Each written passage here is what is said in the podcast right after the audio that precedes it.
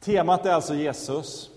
Eh, och eh, du ska få en predikotext ifrån Höga Visan. Jag har aldrig predikat över Höga Visan.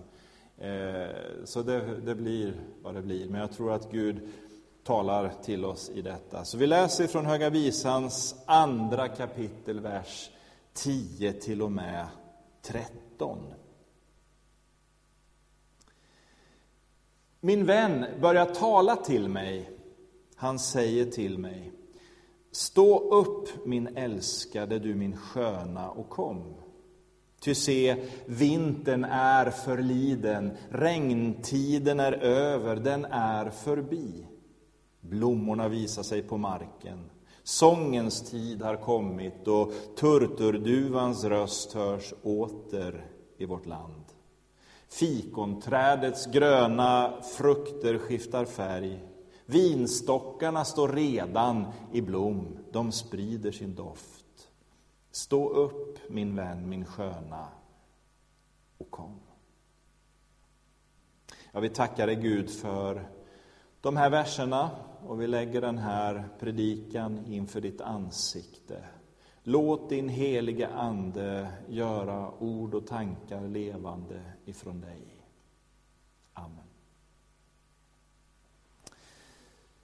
Ja, det här kräver ju en del förberedelser och studier kanske när man ger sig kast med de här texterna som man inte är riktigt van att röra sig vid. Jag vet inte hur ofta du läser Höga Visan. Eh, man passerar den ju ibland sådär, men, men det är kanske inte dit man genast springer när man vill läsa i Bibeln. Eh, lite eh, udda texter sådär som på något vis sticker ut när vi läser. Och någon skrev om Höga Visan, när jag läste på här nu, att vi får inte avvisa budskapet med någon slags fördomsfull prydhet. För det är klart, man kan lockas till det när man läser de här ganska utmanande beskrivningarna. Och det är klart att går vi in i texten med den här världens tolkningsmönster så lockas man ju gärna till att börja se de här texterna som eh, på något sätt orena. Men eh, det är ingen lustfylld historia i den meningen, utan det här, det handlar om ren, om sann kärlek om gudagiven kärlek. Kärleken mellan man och kvinna, så som Gud från början hade tänkt det. Alla ansatser till att eh, förklara kärleken som inte ligger i linje med den bibliska sanningen, de måste vi ju lägga åt sidan. Därför att det är Bibeln som vägleder, det är Bibeln som talar om vad sann kärlek är. Och när vi ser på kärleken och möter kärleken så är den ytterst en gåva från Gud som talar om vår frälsning, om hans gemenskap med oss och att vi ska få dela gemenskapen med honom. Återlösas till himlen. Och så tänker vi oss nu den här berättelsen i Höga Visan att bruden, hon finns någonstans där i den här berättelsen, i sitt hem. Och som traditionen föreskrev på den tiden så kunde ju inte brud och brudgum umgås och vara med varandra på det sätt som vi kanske är vana från vår tid och vårt samhälle. Det fanns kulturella hinder som man inte kunde gå förbi. Men brudgummen, han hade fått syn på bruden. Han visste så väl vem det var som var utsedd och som han skulle gifta sig med. Och det brann en kärlek i hans hjärta till den här bruden. Han var driven av en obetvinglig längtan. Och jag föreställer mig, när jag läser det här, att han smyger sig dit just för att officiellt fick han ju inte träffa henne.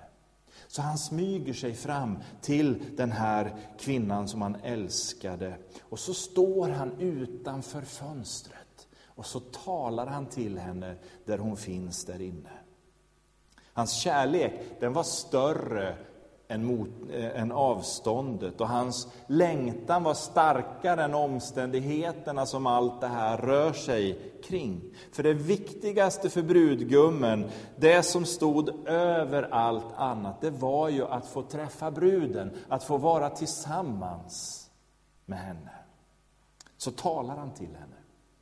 Och bruden låter oss förstå min älskade är lik en gasell eller en ung hjort, säger hon.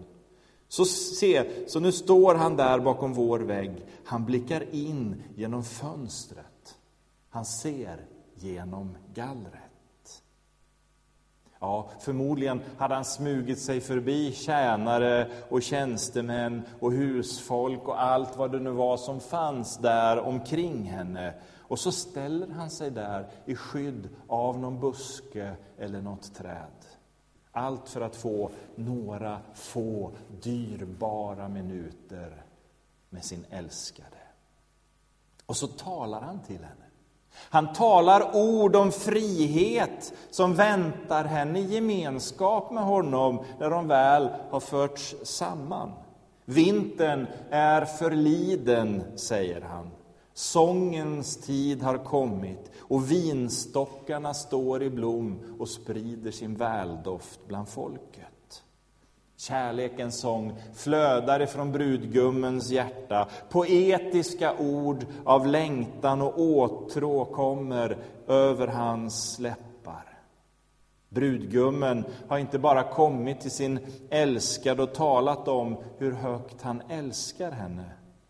Han vädjar till henne att hon inte ska stöta bort honom. Att hon inte ska resa hinder. Stå upp min vän, säger han. Stå upp min sköna och kom. Ja, som jag sa så kom jag under hösten att tala om Jesus på olika sätt. Jag vet inte alls hur, jag vet inte riktigt linjen hur Gud tänker sig det här, men jag fick ett väldigt tydligt tilltal till mig om det här. Eh, och när jag gått runt och varit havande med de här tankarna, för det här är som en födslovånda, som en lång födsloprocess. Eh, att predika och, och, på något sätt försöka söka de här linjerna från Gud eh, i det som han vill ge oss. Eh, så när jag gått och, och, varit havande med de här tankarna så har kärlekstemat och kärlekstanken på något sätt mejslats fram. Och det var ganska olustigt i somras när jag satt i begravningsbilen och körde, för då sitter man och funderar på både det ena och det andra. Eh, och så kom det här med Höga Visan till mig, att där ska vi börja resan. Så försöker man värja sig och eh, argumentera med Gud. Nej, men det förstår du väl, det där kan inte jag tala över. Eh, det är för svårt och så vidare. Men Gud, han är som han är. Så han eh, verkar vidare på oss och bara han får den tid som han vill ha så brukar det där lösa sig ganska bra. Ehm, så det här är inte kristallklart för mig på något vis, men jag eh, lever i förtröstan och tror på att Gud han kommer att föra det här i hamn. Den heliga Ande här. Eh, och du ska givetvis, oj vad det går runt, eh, du ska givetvis pröva all undervisning som du får av mig och av andra. Be över det, ställ det mot Bibelns ljus och se, stämmer det med Bibelns texter? Och fråga den heliga Ande i bön om detta är ifrån Gud eller inte. Och det som är ifrån Herren, det behåller du och det andra, det glömmer du så fort du kan. Så, för att landa i den här texten nu om Höga Visans beskrivning av kärleken mellan brud och brudgum, så kan vi gå till Lukas evangeliets 19 kapitel. Där läser vi hur Jesus är på väg upp till Jerusalem eh, för den korsfästelse som väntar honom. Och när han går där så passerar han staden Jeriko. Det gör han ju lite till och från, förmodar jag. Men nu var han där med ett speciellt ärende. Gud hade ett syfte med just den gången. Folket, de tränger sig på runt Jesus. Ni vet, det var stor uppslutning och alla var intresserade av att höra honom. Så det var stökigt där. Men det finns ett möte som är viktigt i det här, som Gud hade förutsett och planerat.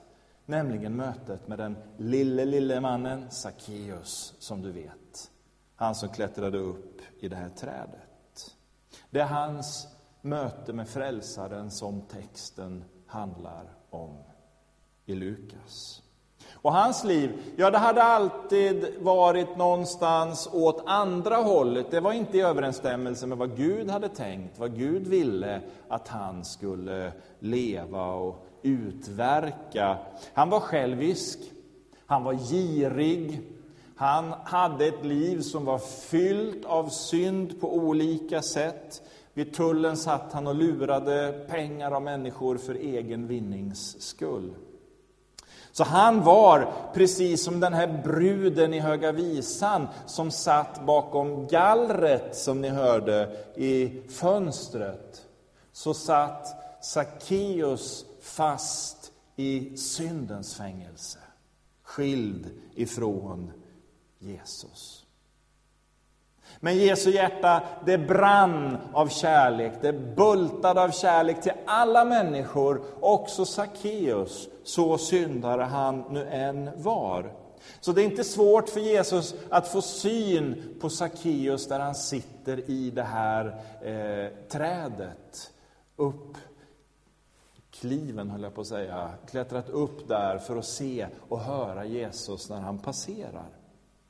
Så Jesus han tränger sig skyndsamt fram till Sackeus, där han sitter uppe i trädet, och så säger Jesus till honom, skynda dig ner Sackeus, för idag måste jag gästa ditt hem.